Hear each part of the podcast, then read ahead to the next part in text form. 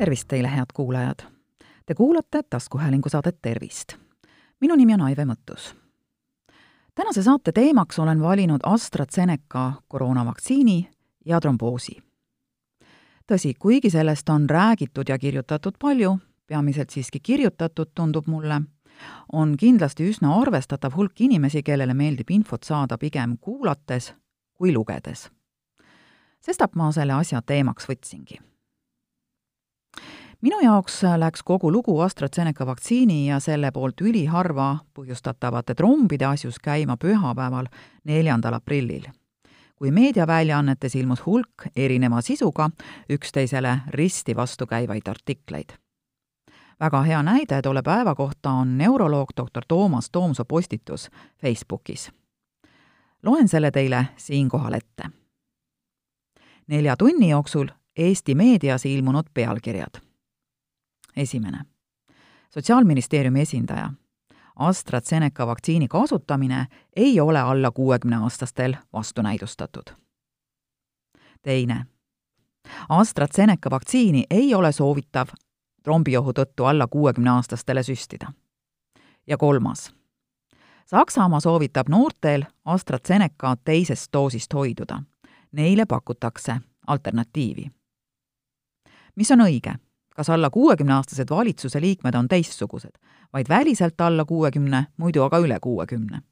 ütlen siinkohal vahele, et just neil päevil said oma esimesed vaktsiinidoosid meie ministrid. ja jätkan doktor Toomsoo postitusega. ausalt, aitab. leppige juba kokku, kellele siis võib AstraZeneca vaktsiini süstida. homme hakkavad telefonid jälle helisema vaktsineerimine pole teadusliku diskussiooni koht ajakirjanduses ja ajakirjandusel pole vaja tõmmelda uudsuse järele. see on nii stressav. riik oleks justkui peata. aga ehk ongi. ja tsitaadi lõpp. olgu valitsusega, kuidas on, siinkohal mina sellele hinnangut ei anna. aga tunnistan täiesti ausalt, et olin hetkeks nii pooleks tunniks küll täiesti peata ja segaduses. no miks siis? Sain oma esimese vaktsiinidoosi vabatahtliku merepäästjana esimesel märtsil. tekkis küsimus, et kuidas siis nüüd teise doosiga jääb. kas ma saan ikka AstraZenecat või pakutakse mulle alternatiivi? ja kas ma üldse lasen ennast teist korda süstida? Õnneks polnud vaja mul teha seda otsust minuti pealt. võtsin endale aega, lugesin ja uurisin ning tänaseks olen kindel et jah, võtan ka teise AstraZeneca vaktsiinidoosi vabatahtlikult vastu. mis mind siis sellise otsuse poole kallutas? eks ikka arstid ja nende antud selgitused. alustame sellest, miks võib AstraZeneca vaktsiin väga harvadel juhtudel põhjustada eluohtlikke verehüübeid näib, et selle vaktsiini süstimise järel toodetakse teatud inimeste veres antikehi, mis mõjutavad trombotsüütide faktoriks neli nimetatavat valku.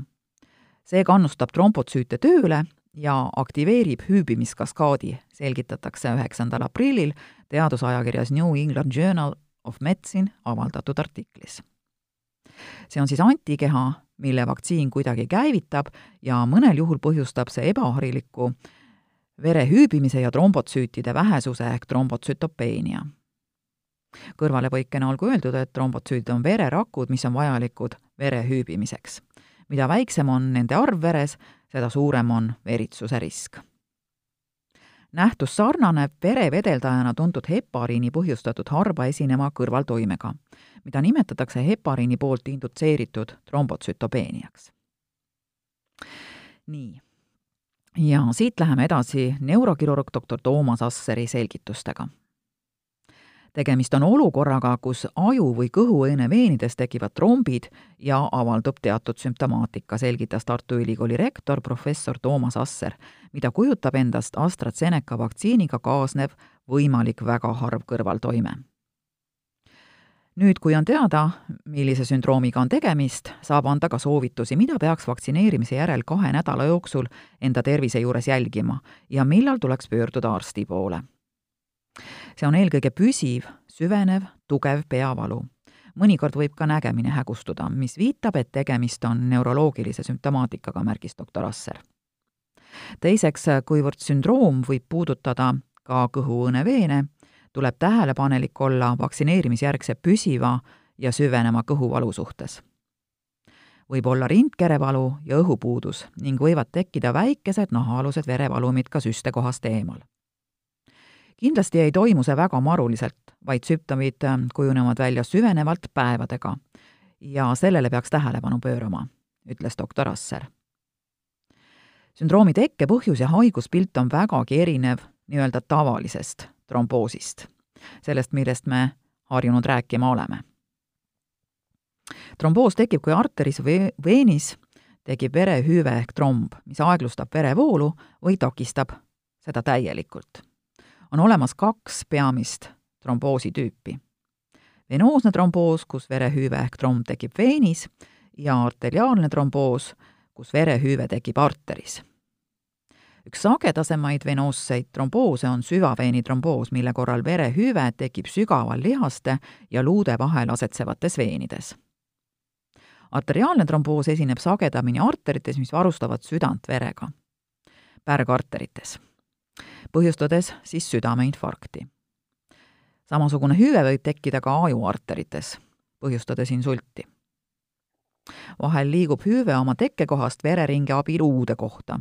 sellist hüvet nimetatakse trombemboliks ja kui liikuv hüüve satub kopsu, nimetatakse seda kopsutrombembooliaks siis see niinimetatud tavaline tromboos on laialt levinud haigus ja kolmandaks peamiseks surmapõhjuseks maailmas. venoosne tromboos näiteks tekib aasta jooksul ühel inimesel tuhandest.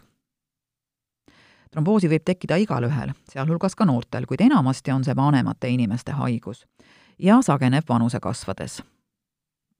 lisaks vanusele on veel teisigi tegureid, mis soodustavad tromboosi tekkimist. no näiteks perekondlik taust, liikumatus, ülekaal. Tromboos võib kulgeda üksikute sümptomitega või hoopiski ilma vaevusteta, mistõttu viidatakse vahel tromboosile kui vaiksele seisundile. kuidas veri hüübib? veri sisaldab vererakke, mida nimetatakse vereliistakuteks ehk siis trombotsüütideks ja valke, mida kutsutakse hüübimisteguriteks. koos toimides moodustavad need hüübimise mehhanismid ehk siis hüübimiskaskaadi. Kui veresoone sein läheb katki, siis vereliistakud ja hüübimisfaktorid moodustavad tahke hüüve, mis katab katkise koha. see hüüve on nagu kork, mis takistab haavast verejooksu.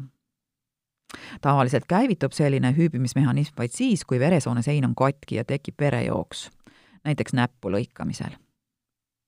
veri võib vahel hakata hüübima aga ka siis, kui veresoone sein on terve sellisel juhul tekib hüüve arteri või veeni sees.